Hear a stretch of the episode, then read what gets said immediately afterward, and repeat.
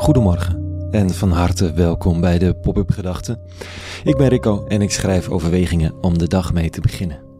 Vandaag met de titel Let op de outsiders. Pop-up Gedachten maandag 28 november 2022.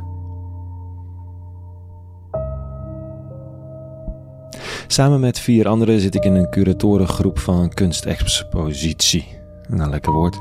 Kunstexpositie. Het thema is Exodus en mijn collega's zijn kunstkenners. Ik niet. Ik hou van kunst. Ik werk met kunstenaars en ik ben artistiek, leiders van, uh, artistiek leider van bijvoorbeeld het Graceland Festival. Toch ben ik de outsider in het wereldje.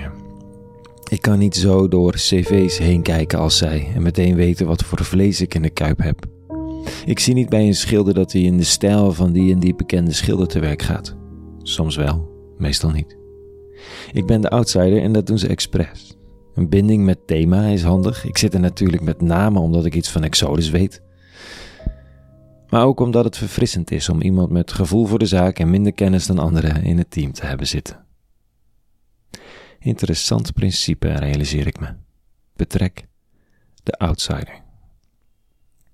Ik roep het meestal tegen kerkraden of, of kerken die willen vernieuwen en pionieren. Ze vragen me dan om een lezing, een advies, ervaringen uit de praktijk van de afgelopen twaalf jaar. Superleuk om te doen. Je kunt er pareltjes uit je geschiedenis opduiken, een paar lessons learned delen, grappen maken over je blunders. Prima avondje. Maar als er dan iemand vraagt wat mijn beste tip is voor hen, dan is die in veel gevallen dezelfde. Dan gaat die niet over wat voor installatie je kunt bouwen of wat voor interessante interventie je kunt kopiëren. Het is altijd een variant van betrek de outsider. Kijk, mijn inziens zou het voor kerkenraden erg zinnig zijn om altijd een outsider toe te voegen aan de kerkenraadsvergaderingen. Iemand die er niet bij hoort, die niet gelooft, die geen behoefte heeft om te geloven. Die wel ziet dat het zinnig is dat deze gemeenschap bestaat, dat hij een bijdrage levert aan stad en wereld in spirituele en praktische zin. Iemand die geduld heeft met de religieuze taal en elke keer ook het geweten is voor impact op de omgeving, de zorg voor stad of dorp. De outsider. Organiseer de outsider in je werk. Altijd de stem van de ander om je heen. En eenvoudig is dat niet. Ik geloof niet dat een kerkeraad dit al eens serieus heeft geprobeerd. In elk geval hebben ze het me niet gemeld. En dat geeft natuurlijk niet. Het is ook een mentale oefening. Je opent de verbeelding, je laat die in jezelf toe. De outsider herinnert namelijk zomaar aan de stem die in jezelf aanwezig is, maar die er niet mag zijn. Door normen, gewoonten, verwachtingen, groepscultuur. Misschien vraagt een kerk zich af of die minder kerk wordt door zo'n toevoeging in je kernbestuur. Dat is natuurlijk niet zo. Je hebt alleen een deel van je opdracht, namelijk het dienstbaar zijn, zinnig zijn, van betekenis zijn voor de omgeving, in je midden georganiseerd. Dat is een diep christelijke handeling. Want we raken zomaar weer opgesloten in ons eigen gelijk. Terwijl ik dit schrijf, denk ik na over de eigen besturen, teams en organisaties waar ik onderdeel van ben. Bij welk van die clubs wordt het hoog tijd om deze gedachten opnieuw ter harte te nemen?